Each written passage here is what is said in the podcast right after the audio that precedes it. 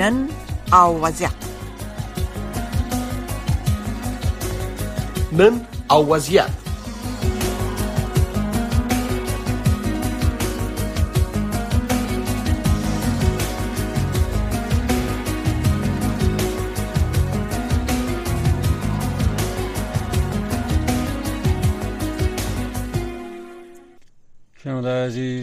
برنامه ما دوام داره. برنامه کنونی ما روایت امروز است. روایت امروز برنامه رادیو آشنا صدای امریکا را اختصاص دادیم به هنرمند شناسایی و زندگی هنرمند چنبودی افغانستان که در ایالت کالیفرنیای ایالات متحده زندگی می‌کنند. جناب استاد احمد شاه علم هنرمند چند بودی افغانستان همونطور که گفتم هنرمند فیلم تئاتر و همچنان رادیو. و اکنون جناب آقای علم در کالیفرنیای امریکا زندگی می‌کنن. همونطور که گفتم مصروف تهیه برنامه های هفتوار تلویزیونی هستند در برنامه های تلویزیونی هفتوار خود موضوعات روز مورد بحث قرار میتن موضوعات مختلف دارن بخش های مختلف دارن ما با جناب علم صاحب امروز در مورد برنامه های تلویزیونی هم صحبت می‌کنیم. در مورد کارهای عمدی که در افغانستان انجام دادن درام های بزرگی مثل مفتش انجام دادن. در سفرهایی که در خارج رفتن هنرمندا را دایرکت کردن. با هنرمندا رفتن به تاجکستان و کشورهای دیگه. در افغانستان شهرت بسیار خوبی داشتن در و دارن در تئاتر نه تنها جناب استاد علم خودشان بلکه فامیل هنردوست و هنرمندشان هم در از طریق تئاتر و از طریق هنر هر چی تونستن خدمت کردن. ما امیدوار هستیم که جناب علم علم صاحب بگیریم. ما کوشش می‌کنم کنار در تلفن رخ بکنم برای که پرودوسر برنامه برای ما گفتن که در وایس میلشان میره. امیدوار هستم که تلفن را جواب بگوین. آقای صاحب امروز ما قرار داشتیم که با ایشان صحبت بکنیم. وعده کردن که بمانه. سلام سلام جناب علم صاحب. شما آواز ما را میشنوین. ما از طریق تلفن خود با شما وصل هستم چرا پرودوسر برنامه ما نتانستن از استودیو با شما صحبت بکنن. شما آواز ما را میشنوین؟ بله بله بله بسیار خوب. بسیار تشکر از حضورتان. امیدوار هستم که شنونده عزیز ما آواز شما را خوب بشنون. امور رقمی که لازم است با کوالیتی خوب با کوالیتی بشنون که ما امروز با شخصیت مثل شما دارای کوالیتی های یا کیفیت های مختلف صحبت می‌کنیم. بازم تشکر از حضورتان. به اینکه برنامه را از خود شما شروع کنیم از سوالای کلیشه‌ای ترشیم که چطور مایل شدین چی انگیزه تان است ایناست شما اگر از خود شروع بکنین یک تعریف از استاد احمد شاه علم بتین. او چی خود بود؟ عزیزاده عزیز ما کدام شخص را به نام استاد احمد شاه علم نمی‌شناسم. که تعریفش کنم اما احمد شاه علم هم می‌شناسم. ولی ولی برای ما اهمیت استادی داریم برای که شما مرا دایرکت کردین در چند درام. استاد نیستم و یک هنرمند هستم که وظیفه خود اجرا کردیم و تحصیلات زیادی کردیم به ایسا زحمات زیادی کشیدیم درامای بسیار خوبه به کابل ننداری ماندیم و یک رونق دادیم به تئاتر نو در افغانستان. امی ما بودم بله بله. شما تحصیلات فراوان کردین شما مدت زیادی در خارج تحصیل کردین و تحصیلات بسیار عالی کردین. البته ما شما در این مورد صحبت زیاد کردیم. خارج از برنامه رادیویی صدا امریکا که از طریق ستلایت هم نشر میشه. شما عمدترین کارتانه اگر بگوین که عاشقش هستین همکنون و از او بهترین خاطرات دارین کدام بوده؟ تئاتر و کار کردن به تئاتر و ساختن تئاتر است. عشق ما بوده تحصیلات ما بوده و زحمت زیاد کشیدیم. و بهترین درامایی که در افغانستان نظیر نداشته ماندیم بر روی استیج و از او خاطر ما بسیار افتخار می‌کنم به کارهای خوبی که در تئاتر کردیم و تئاتر از یک دوران قدیمی و کنیش به یک تئاتر مدرن افغانستان تبدیل کردیم. شما از یک فامیل هنرمند آمدین. شوق و علاقه هنر. برادر بزرگ من خدا ببخشه سلیمان جان علم که به سینما و نویسندگی اینا بسیار علاقه داشت و فیلم های ساخته. دیگه فامیل من همه فامیل علمی بوده پدرم پروفیسر بوده برادرایم دکترا بودن. تنها به فامیل و هنر مراجعه کردیم. بازم سوال کلیشه میشه چطور شد؟ معمولا در افغانستان رواج تو بوده رسم ایتور بوده در اکثر خانواده ها که پسر و دختر قدم های پدر و مادر تعقیب می‌کردن. البته در افغانستان در افغانستان مرد سالار در او وقت پسرها زیادتر به طرف پدر می‌رفتن به طرف شوق و علاقهش. مثلا ما از خود بگویم فرزندای ما دو فرزند ما ژورنالیست هستن. ما هیچ بله. تشویقشان نکردیم که ژورنالیست خودشون بودن. شما چطور؟ پدر من خدا ببخشش. پروفسور اسماعیل علم بسیار زیاد خواهش داشت که من رد پایش بگیرم و دکتر چشم شوم. و یک روز که من به ماین خانیش رفتم و یکی از عملیات ها داشت و من دیدم سر من زوف آمد و من زوف کردم. بعد از اون پدرم گفت نه ای, ای دکتر ماکتر نمیشه ای بردم اما عملیات سبب شد که من از دکتری پس شوم به هنر مراجعه کنم. شما شما تیاتر افغانستان جرایی کردین. بله. شما تیاتر افغانستان جرایی کردین یعنی تغییر دادین بله یک تیاتر دیگه ساختین. که آمدم از اروپا چون به سیستم نو اروپا بلد بودیم اینا و کابل تئاتر گرچه که استاف تئاتر ما بسیار اکتورای فوقلاده داشتن یعنی بی نظیر اکتورا داشتن که به شرق میانه و به آسیا مثلشان نبود. بله بله. اما یک سیستم قدیم داشتن. که از اون سیستم کسی نبود که اینا را بکشه به یک سیستم مدرن تیاتر رنمایی کنه. از اون سبب زحمات زیادی کشیدیم تا که این سیستم گفتار و حرکات و جس ها و اینا همه. حتی حرکات دست تغییر کرد. بسیار زحمت کشیدیم اما فضل خدا و نرمنده فوق العاده با استعداد بودن و ظرف شش ماه یا هشت ماه زحمات همه چیزا تغییر کرد.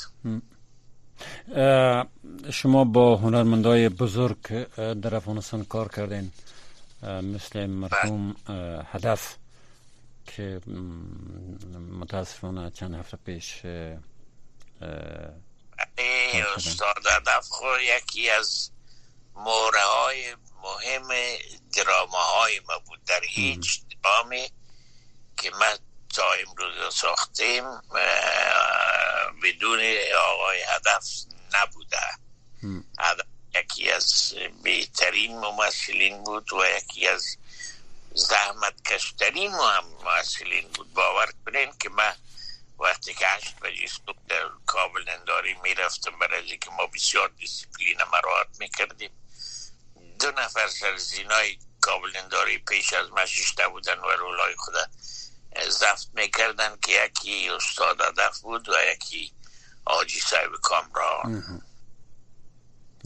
هدف دیگه استاد بیست که استاد همه ما بود و اونا بزرگوار بودن و رفیق صادق و همین جان جلیا و بسیار یک استاف بسیار پروفیشنل داشتیم که افتخار می‌کردیم وقتی که می‌رفتیم به تاجکستان یا ازبکستان یا ایران یا ایندیا براستی همه مردم تعجب می‌کردن که ما چی یک تیاتری بزرگی داریم.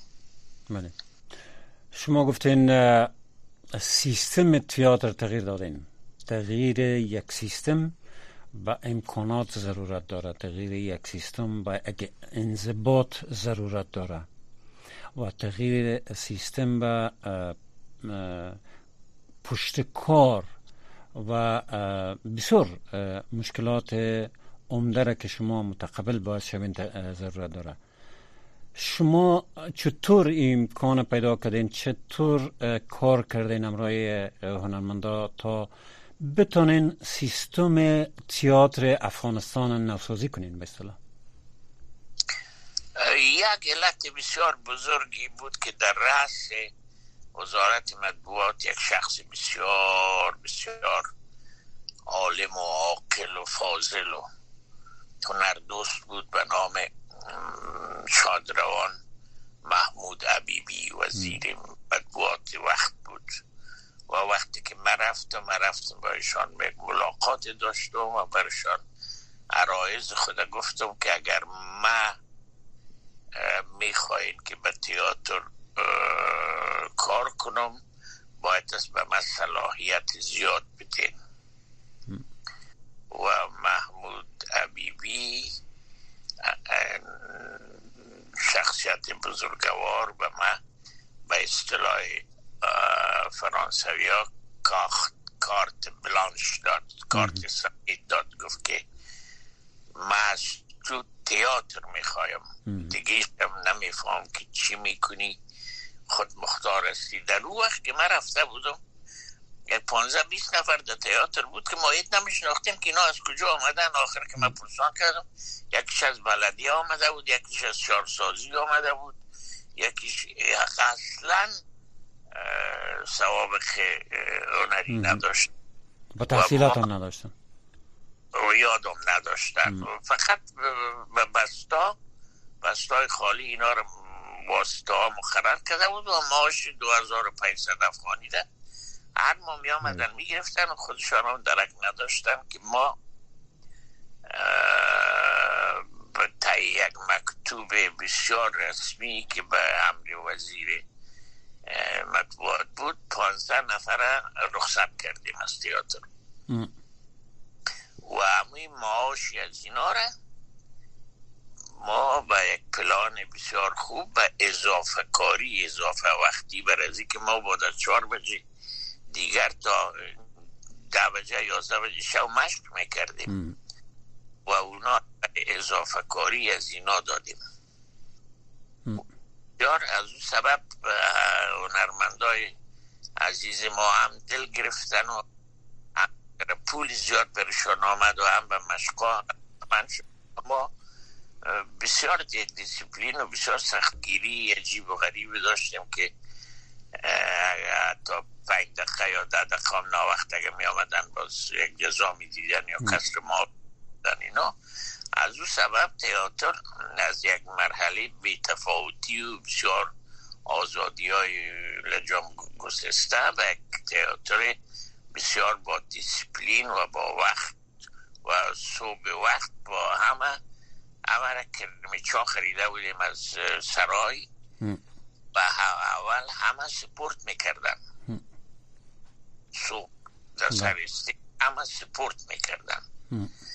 بعد از یک سپورتشان تمام شده بود بعد از نرمی وجودشان به وجود آمده بود بعد از اینکه یک هنرمند در stage یک نرمی وجود کار داره elasticity کار داره که خوده هر سون دور داده بتانه و آرام و به طور زیبا دور داده بتانه بله.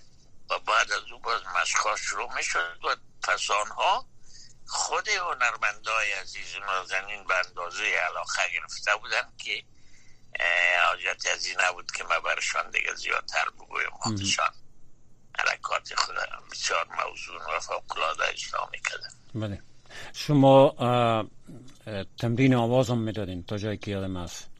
شما در آخر بله. سالن می‌رفتین در دورترین نقطه و مهم بود. برای که همون سیستم تنفس و سیستم تنفسی و سیستم گرد زدن و تیاتر رو کس نمی‌فهمید. مثلا وقتی که پشت طرف تماشا تماشاچی می باشه باید آواز دو چند بلندتر برای تا به تماشاچی برسه. اگر پیشروی می باشه اگر در بغل می باشه از دور می باشه از ششتر می باشه تمام از یک سیستم داره. و من وقتی که صدایشان امتیان می کردم به آخرین نقطه تئاتر می رفتم به داری به منزل دو و می گفتمشان گپ بزنن که از کی به آخرین چوکی صدایش درست می رسه این بسیار مهم بود. هیچ کسی رو فکر نمی‌کرد که اون پیشروی چهار چوکی رو فکر می‌کردن. و پشت سر کس میشنید یا نمیشنید پروا نداشتن. و از او خاطر رو صداها بسیار تمرین شد بسیار زیادتر تا تونای صدا را با پیانو ما درست کردیم. بعضی صداها تونایشان با پیانو درست میشه ما در پنج شش ماه. بله. اما بسیار خوشایند بود بسیار یک تئاتر موفق بود. حتی از ایران و تاجیکستان اینا به دیدن ما می آمدن و, و خوشبخت بودیم که تو یک استاف داشتیم و تو یک تئاتر داشتیم. شما شخصیت های بزرگی هم داشتین از کشورهای همسایه که می آمدن و با شما و یا نظر می‌دادن یا یا در سفرهای فرهنگی مثلا نظروف که کلان آدم بوده خودش در زمانش فکر می‌کنم وزیر اطلاعات بوده یا چی بوده با اونا همکاری داشتن شما؟ با طرف که استاد همه ما بود. طرف یک شخصیت بسیار بزرگی بود در تیاتر افغانستان. بله. زحمت فوقلاده کشید. خودش یک شخصیت بسیار نازنین و یک انسان به اندازه افغانستان دوست بود که من فکر می‌کنم از تاجیکستان که در افغانستان زیادتر دوست داشت. و تمام همی هنرمندهای بزرگ از قبیل استاد بیسد و استاد صادق و اینا همه زیر نظر نظروف دراماهای زیادی رو بازی کردن. اما هم بیشتر همون سوال پیشتر براتون که گفتم بله. با نظروف به سیستم قدیم روان بود. نظروف سیستم نوه نمیشناخت. و از خاطر بچه بسیار زیاد تربیه کرده بود به سیستم قدیم تا که ما آمدیم و این سیستم از بین بردیم برزی که اون سیستم ما براتون بگویم که اون سیستم چه قسم بود. مثلا یک جست دست خود از که گیلاس نرمال دست خود پیش کنه بگیره یک قسم دست خود تو داده و گیلاس می‌گرفت. یا یک صدا اگه می‌کرد که یک گیلاس آب بده و, و صدای tone ای عجیب و غریبه که در در ریالیزم وجود نداره یا گیلاس آب بده. نمی‌تونست در زندگی عادی خود بگو یعنی. بله، بله، بله. خاطر اینا همه طور تربیت شده بودن همی سیستم قدیم بود. که تا که اینا درست شدن. اما نظرف خدمات فوق قلاده زیادی در تیاتر افغانستان که در روح شاد باشه یک انسان بسیار بزرگی بود. جناب علم سوی امتر که در آغاز برای شنونده عزیزم گفتم برای شما این برنامه برنامه از شماست برای شما اختصاص داده شده که شما از خود بگوین. شما را مردم افغانستان زیاد می‌شناسن و البته اگر قشر جوانی که شما را نمی‌شناسن این برنامه به می خاطر است که ما هنرمندای افغانستان کسایی که تاریخ ساختن در افغانستان بشناسانیم. شما در فیلم های خارجی هم کار کردین. مثلا در فیلم های ایتالوی درست؟ بله بله بله. دو خارجی کار کردیم. یکی به نام وقتی که قلب ها در تپش است. یک سیریال فیلم های کانادا فرانسه بود که آمده بودن به افغانستان و ما و شادروان سید مقدس نگاه هنرمند بی نظیر و انسان بزرگ ما دویسه داشتیم چون ما فرانسوی یاد داشتیم و همی دایرکتر فیلم هنرمند دایره می پالید که فرانسوی یاد داشته باشن. و او برای از او بسیار تعجب آور بود که در افغانستان دو نفر پیدا کرد که فرانسوی یاد دارن. و بسیار طالب بود و مزار و بسکشی بود و خان صاحب بزرگ قریه سید مقدس نگاه بازی می‌کرد و بچه فیلم به اصطلاح بسکشه ما بازی می‌کردم برای اول دفعه ما یاد گرفتیم و بسیار قصای دلچسب داره و او ها اما چقدر لذت بخش بود و چقدر یک زندگی فوق بود. بله بله. شما حال مصروف یک برنامه تلویزیون هستین که هفته بار نشر میشه. بله پر تاوس هست نامش ما خودمون ساختیم و همین مسئولیت ما از هفتوار هر یک شنبه برنامه دارم و درد دل خدا به تلویزیون خلاصه می‌کنم. اما گاهی که وقت بوده حتما دیدیم رو و اگر وقت نبوده از با ثبتش دیدیم. شما بینای بسیار زیادی دارین که با تلویزیون شما من و اظهار نظر می‌کنن و شما را بسیار مردم دوست دارن.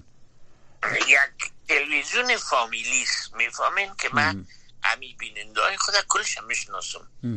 حتی به نام برشان صدا می‌کنم و خطاب می‌کنم سلام می‌کنم اینا. بله. یا تلویزیون است که یک تلویزیون تقریبا فامیلی است. و می‌دانم که از واشنگتن کی, کی مردم میای از کانادا کی مردم میای از جرمنی کی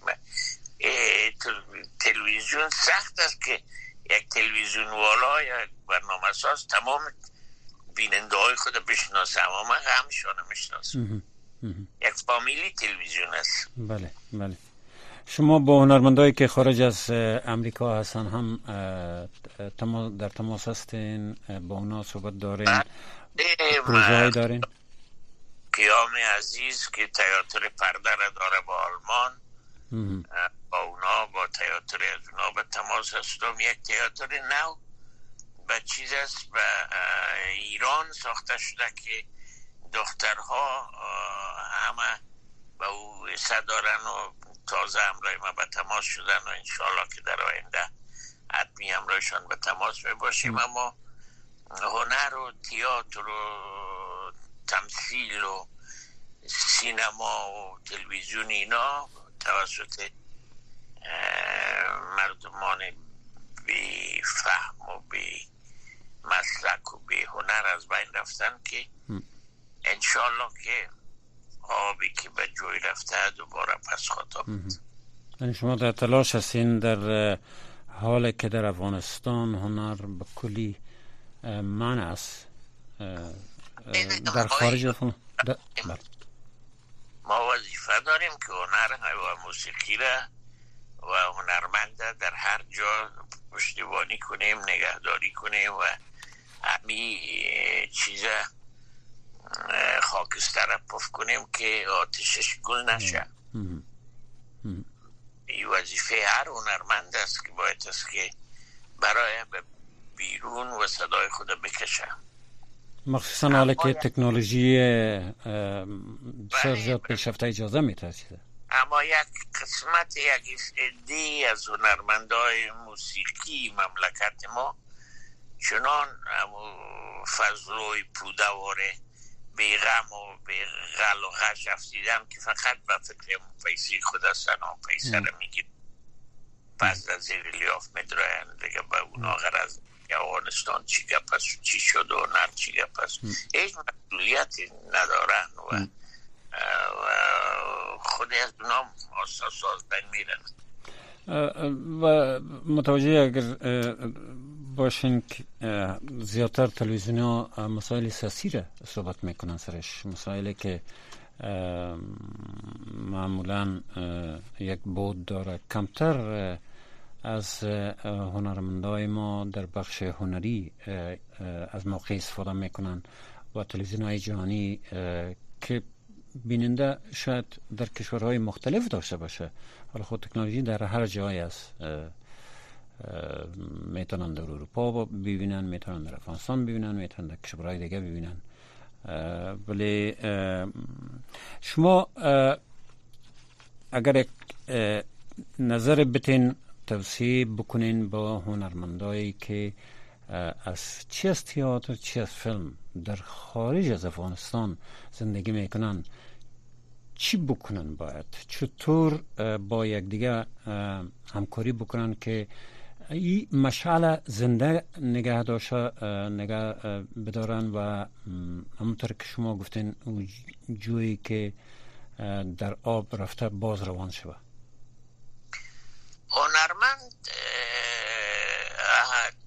زاده عزیز زاده عزیز یک رسالت خاص داره از مردم عادی کرده مثلا در هر مظاهره هنرمند باید از حساب بگیره.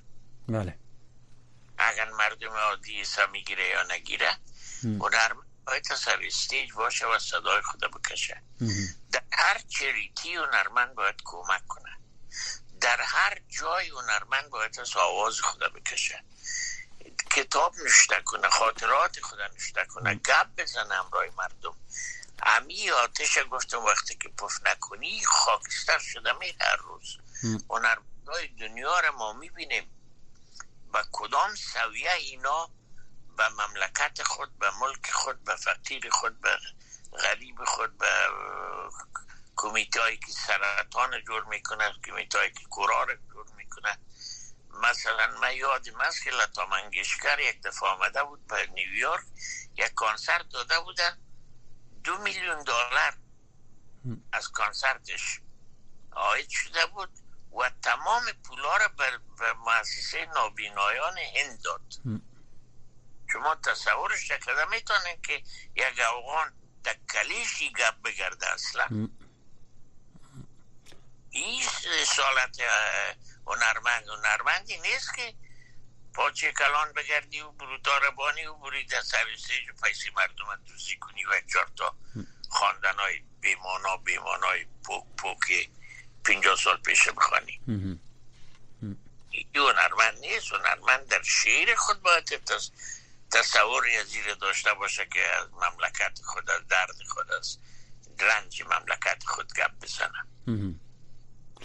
در کامپوز خود در سینمای خود در تئاتر خود. چند تا فیلمی که در, در اینجا می سازن یا ساختن بدبختانه که او فیلم نیست. ما گفتیم که مرا گفتم راجع به این فیلم چی نظر داریم ما گفتم ما خود کدام فیلم ندیدیم اما یک چند لکی سیاه و پرده سفید دیدیم اینا لکای سیاه هستن. اینا فیلم و مسیج ندارن. دختر ایندیز و بچه افغان است و بازو غریب و نمی کافی های